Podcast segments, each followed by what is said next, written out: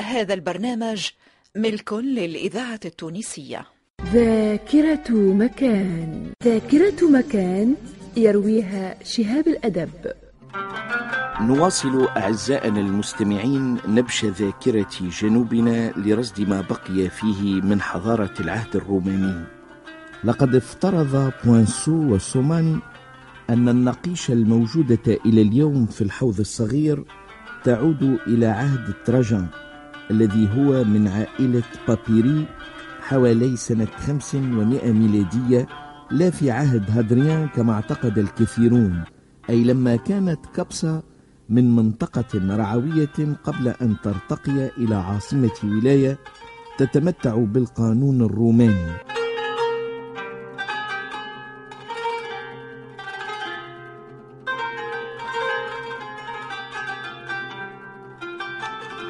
كما أن بوانسون وزميله سوماني يفترضان أن الكتابات اللاتينية التي عثروا عليها هي الأخرى في حوض النساء المعروف بوادي السيابة أزيل اليوم وغيرها في أماكن أخرى يعود إلى عهد الإمبراطور تراجان الذي تم توسيع مناطق الاحتلال في عهده العسكري الروماني ومد الطرقات وربط الحدود الجديدة بإفريقيا القديمة.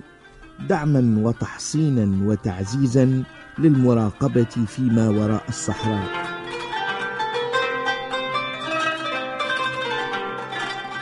يشهد بذلك الطريق الرابطة بين قفصة تلمين في منطقة نجا بشط الفجاج والجدير بالتذكير أن أي منطقة أو جهة ترتقي إلى مصاف مدينة بلدية أو عاصمة ولاية تصبح متمتعة بالقانون الروماني في أدنى مستوى حتى ترتقي إلى ما يصطلح عليه لو ماجوس لاتيون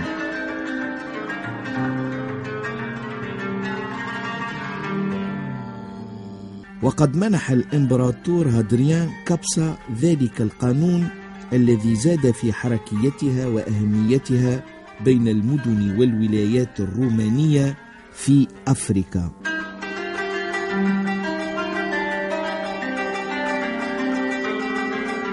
وإذا عدنا للحوضين الكبير والصغير في مدينة قفصة فإننا نجدهما يحيطان بعينين اثنتين نضاختين هما العين الصغيرة في الواد الصغير والمعروف بواد السقايين والعين الكبيرة في الواد الكبير والمعروف بواد الباي.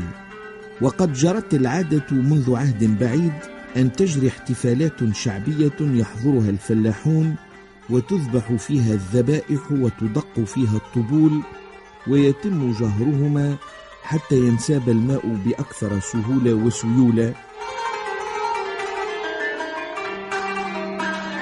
ومن هذين الحوضين يجري الماء تحت الأرض ليظهر في حمامات تسمى ميضات مفردها ميضة للإغتسال والوضوء ثم يواصل الماء سيره بعد أن يتجاوز وادي السيابة أزيل اليوم تحت الأنفاق وفي السواق وسط المنازل والشوارع ويتفرع إلى فرعين الماء الصغير والماء الكبير لسقي البساتين والحقول في الواحة الغناء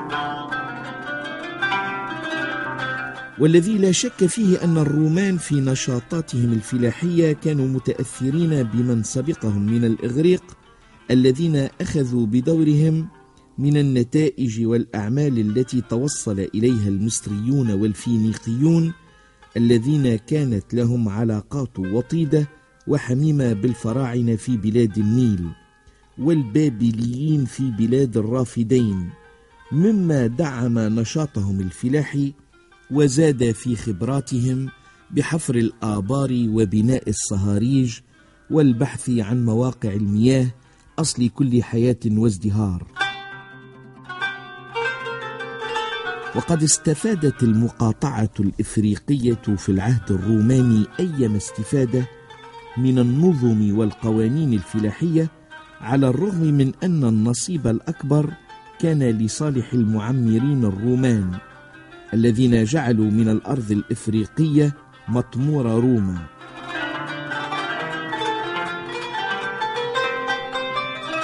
إن الأحواض الرومانية بقفصة بيسين رومان التي شيدوها بالحجر الصلد المتوفر في الجبال المحيطة بالمدينة والتي لم تكلفهم كبير عناء. ما زالت تثير إعجاب الزائرين بجمال منظرها تحت شمس محرقة تخفف من حرارتها واحة غناء يتعانق فيها النخل الباسقات.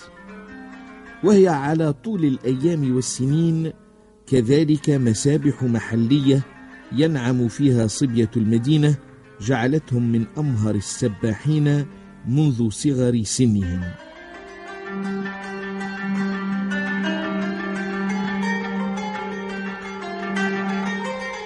وفي الحياة الفلاحية التي تعتمد أساسا على الماء فإن مياه قفصة لا تنحصر في هذه الأحواض فقط بل هناك عيون كثيرة لا تحصى تنساب في الواحة. يقتسمون جريانها لسقي الأرض وريها حسب نظام متفق عليه. ينقله الأحفاد عن الآباء والأجداد لاحقا عن سابق ويحافظون عليها محافظتهم على عيونهم وفلذات أكبادهم فيتعهدون تلك العيون بالجهر والعناية والرعاية.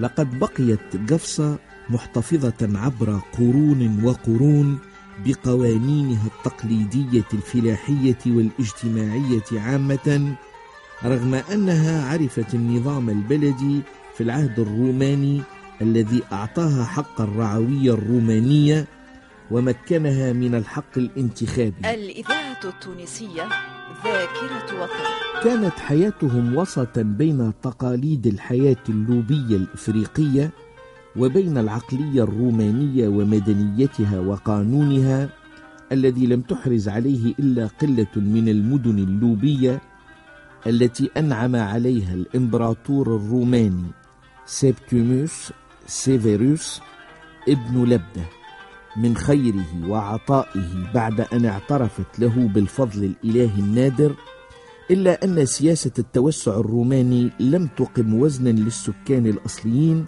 الذين تضرروا من المعاملات القاسية رغم مظاهر خارجية أخاذة مما قوى حدة الصراع بين الجموع الثائرة قبائل بربرية مستقرة وأخرى هرعت إلى الجبال وأخرى راحلة تضرب في النواحي الجدباء والمتكبرين الرومان الذين أعرضوا عن كل تفاهم دون أن يردعهم في ذلك دين المسيح الذي أخذ ينتشر في إفريقيا داعيا للتسامح والابتعاد عن كل أشكال الظلم والجبروت. لقد شهدت إفريقيا الرومانية كغيرها من المقاطعات المستعمرة دخول المسيحية عن طريق المضطهدين القادمين من الشرق والفارين بجلودهم من جبروت نيرون وطغيانه كانت كبصة معروفة بقديسيها وشهدائها. من الذين تفانوا في نشر المسيحية ومبادئها بين أوساط البربر والمعمرين الرومان. ولئن لم يتم اكتشاف بقايا كنائسها فإنه تم العثور على العديد من لوحات الفسيفساء التي تزين جدرانها وبلاطات القبور لمن ماتوا ضحية التعصب الروماني ضد المسيحية ومعتنقيها الذين ذاقوا في عهد ديوكليتيان ألوانا من العذاب حتى تم الاعتراف رسميا بالديانة المسيحية. تاركين لهم حرية المعتقد في عهد جالوري وذلك سنة 11 وثلاثمائة ميلادية. وقد حضر الكثيرون من أساقفة كبسة أمثال دونياتوس وفورتوناتيانوس العديد من المؤتمرات في روما حيث تواصلت البعثات والإرساليات العلمية الدينية والثقافية لتعلم أصول الديانة المسيحية واللغة اللاتينية وغير ذلك من الآداب والفنون والمعارف.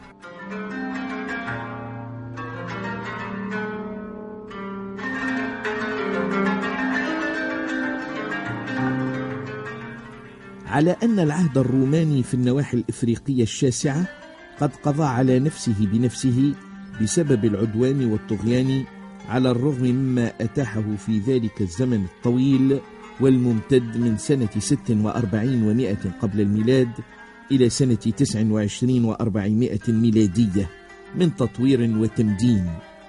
ذلك أن إفريقيا الرومانية مثل غيرها من المستعمرات حتى في أوروبا مثل غوليا وبريطانيا وإيبيريا وغيرها قد نالت تنظيمات وترتيبات وخدمات جد وفيرة إلا أنها كانت في أغلب الأحيان لفائدة الحكام وأصحاب الامتياز من الأسياد الرومان الذين يعيشون حياة بذخ وطرف وسط القصور بين أجواء اللهو والمجون والفجور دون أن يكون لذلك فائدة ترجى فضلا عن المستعمرين الذين أذلوهم بل حتى للشعب الروماني نفسه الذي لم يستفد من خيرات المستعمرات بعد أن تم تجنيده للغزو والاحتلال من أجل تنمية ثروة الإمبراطورية الآلهة وأقليتها الحاكمة المسرفة في الضلال مما أدى إلى الانحلال والإضطراب في عقر دارهم روما نفسها. حتى السقوط بأيدي الوندال الذين جلبتهم إفريقيا باعتبارها أرضا واعدة بالثراء والعطاء.